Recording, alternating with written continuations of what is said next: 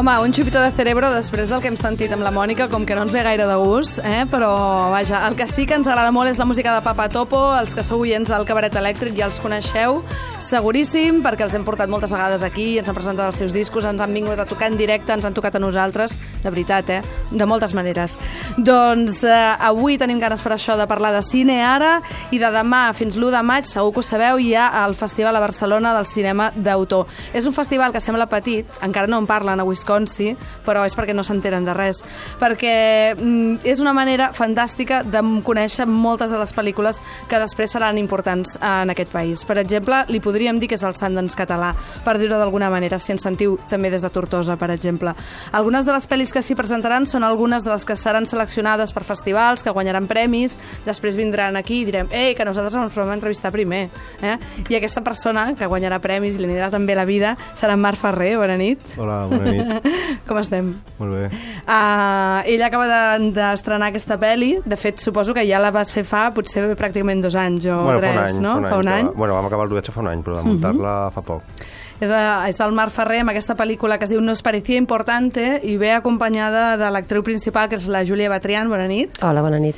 Uh, vaja, uh, ja, és una declaració d'amor al cinema, jo crec que aquesta pel·lícula, de persones que viuen tota la vida pensant en el cine o pensant que els agradaria viu viure dins una pel·lícula, ho veieu així? No sé com ho sentiu vosaltres.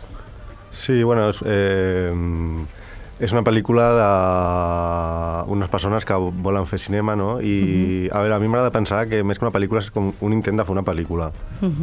I, bueno, o sigui, al final és una pel·lícula, però el procés és una mica... Però volies que es, notés les, que es notessin les costures, per dir-ho d'alguna manera, o no? Sí, sí, i fins i tot la pròpia pel·lícula al final té una reflexió sobre si aquesta pel·lícula realment és la pel·lícula que volíem fer.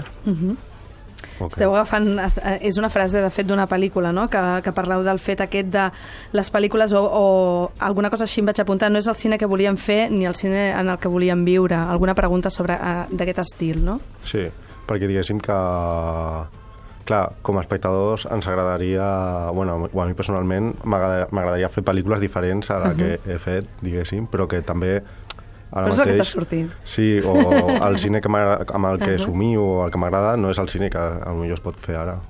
I que té a veure més, a lo millor, amb Godard o amb, uh, o amb cineastes clàssics, podríem dir, que amb, amb aquella història de he de fer un blockbuster, no?, que funcioni, Hmm. tancaré uns tios amb una casa encantada i que passin molta por, no? Sí, té...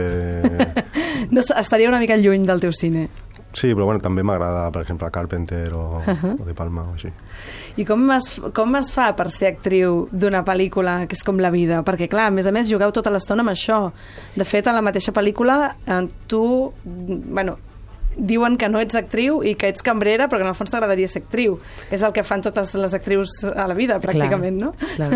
Sí, bueno, res més lluny de, de la realitat, no? Vull dir que una mica jo crec que reflexa bastant la relació que, que tenim el Marc i jo i que de fet jo no, no em considero actriu però uh, sí que m'interessa viure en el cinema, no? Com, com en els personatges que, que surten a Nos parecía importante, que més que voler fer una pel·lícula ells volen viure en el cinema, no? En aquest com en aquest país que deia... Vivre sa vie, que no? Deia, mica. sí, i Serge Denis deia que, com que el, que el cinema és un país on tu hi pots ser tu mateix o on pots estar i perman o sigui, permanèixer allà, estar allà i, i és una mica el que fan la Sofia i el Marcos a la pel·lícula, no? O sigui que, Aquí, realitat... aquí hi ha molts homenatges, hi ha homenatges a, o, o escenes fins i tot que veiem a la pel·lícula de Godard i evidentment de, de per exemple al principi de tot veiem un Fassbinder uh, mm. hi ha moments per tot, hi ha aquella pel·lícula del nen amb el cavall, Crin Cran, ho dic bé? O... Sí, Crim sí, blanc, sí, de Crim blanc. Molt bonic. De, de, de. O sigui que és allò, anar deixant, anar deixant allò petjades, no? Perquè les vegi enganxant la gent, també. Sí, perquè també, o sigui, mm, en aquesta pel·lícula, al igual que a mi m'agrada filmar a, a, a, a les persones, doncs tam també m'agrada que a la pròpia pel·lícula hi hagin coses que també m'agraden i, clar, el cinema és una d'aquestes. Les cares, els primers plans, és una pel·lícula de primers plans en alguns moments. Tenim aquest actor, Quique Fernández, que sembla l'Indelon. Ho saps, això? No. Ho sap, això? Vull dir, ho sap, això? Que ho sàpiga, que ho sàpiga, perquè és brutal el Quique. No? O sigui, a més a més, vull dir que hi ha molta textualitat i molta fisicitat amb aquesta història, no? De, hi ha moments en el que només hi ha paraules i moments en el que el cos o, o la manera com es mouen és, és el més important. Sí, diguéssim que les paraules eh, és com el mitjà amb, amb el qual ells com que assumien, no? O sigui que hi ha una realitat que és la de les imatges, però també hi ha una altra realitat que és la de les paraules, no? Uh -huh. Hi ha un avorriment d'aquests personatges, podríem dir que és una cosa, no sé si molt barcelonina o, o com explicar-ho, o de certa edat, perquè podríem dir que més la gent que potser vivim a Barcelona i, i de determinats ambients coneixem moltes de les persones que surten allà darrere, per grups de música, eh, per actors, per aficionats, per gent coneguda fins i tot pel Facebook, que això és una cosa que fa molta gràcia. Ja comencem a conèixer gent que no coneixem a la vida real, però que coneixem pel Facebook, no? I, i el, podríem dir que um, hi ha una pel·lícula, no sé com explicar-ho, com si fos allò del caldo, saps? Sí. Com una capa de greix, no? Que és d'avorriment de la vida, una mica. Com de, de fàstic. Sí, sobretot això té a veure amb la trama de, de la Júlia, de, Mhm. el personatge de Sofia. Clar, totalment. Bueno, ella, jo crec que no, el, el Marc ha pensat... Eh, o sigui, la, la, la idea de la, de la pel·lícula era mostrar una vida rutinària, de la qual un personatge, el meu, en el qual no, del qual, que té una vida de la qual no pot sortir i, i l'única manera que té d'evadir-se o de viure les coses que vol viure és a través del cine, no? Llavors és aquí quan el Quique entra en joc també, com aquest personatge Si, ve Alain Delon a buscar-te, què vols? Clar, clar, però no sabem ben bé si és real, si no ho és, com seria una, un Alain Delon, no? que tampoc ho sabem ben bé. No, no i- està clar, no està clar. Ho diuen, ho diuen.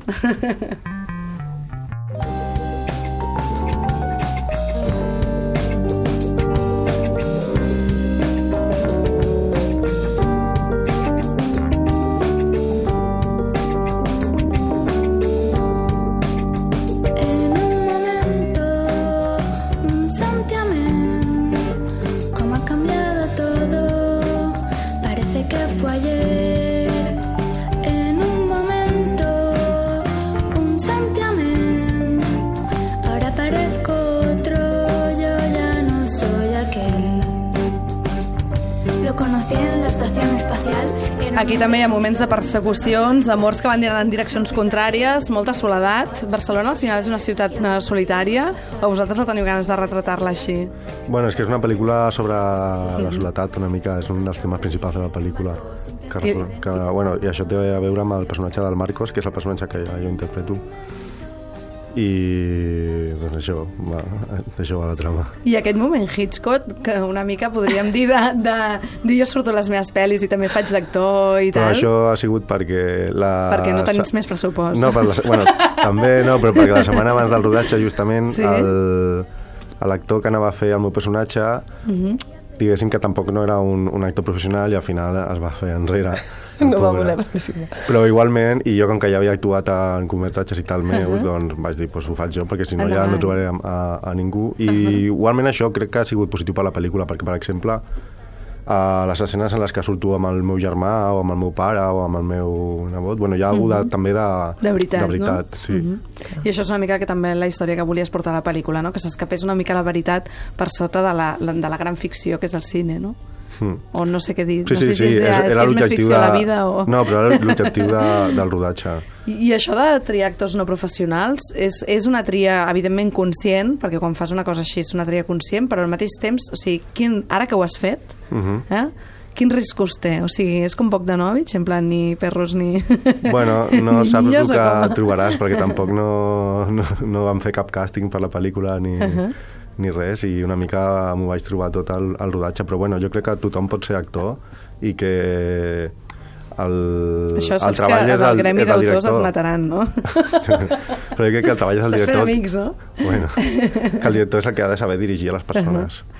Tot i així hi ha la Mònica, la Mònica, eh, la Mònica del Raval, aquesta prostituta que el Francesc Vallmunt li va fer aquella pel·lícula que ens va emocionar tant a tots, pel·lícula documental, din, mm. vaja, com vulguem dir, que l'has volgut posar enmig de la història com a més a més la persona que ens ensenyarà el futur, no?, una mica. Sí, a part la Mònica va ser molt professional i una gran actriu, realment, sí. treballar amb ella va ser molt fàcil i ho va fer molt bé, la veritat. guai.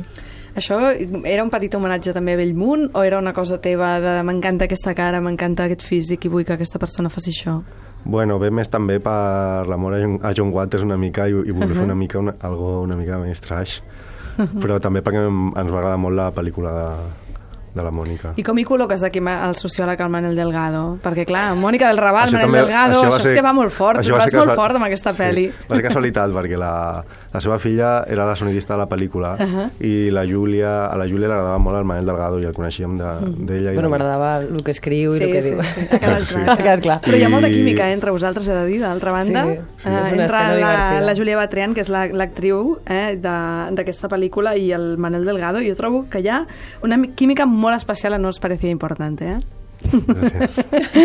No és, no és cosa teva, tio, o sigui, això és una cosa que tenien ells. Sí, sí, sí. Bueno, va ser molt divertit perquè el Manel es va oferir també per, per improvisar, no? I, I va ser xulo perquè ell ens va parlar de vivir su vida sense saber que la Sofia en aquella escena ve de veure a la pel·lícula, La pel·lícula. de vivir su vida, I va ser genial. Al Vivir su vida hi ha l'escena de l'Anna Carina que parla amb el filòsof, doncs vam pensar que eh, podíem fer una mica Va ser brutal. un homenatge a aquella molts escena. homenatges, molts homenatges. És una festa del cine, aquesta, aquesta pel·lícula, que quan es podrà veure al Festival de Cinema d'Autor? Perquè El- comença avui i es podrà veure fins l'1 de maig, Mm. però la pel·lícula vostra concreta... El, el dilluns 25 d'abril, a les 8 i, i quart de la tarda, al Teatre del CCCB. aneu- Aneu-hi les 8. Ah, no, a no, no feu esperar.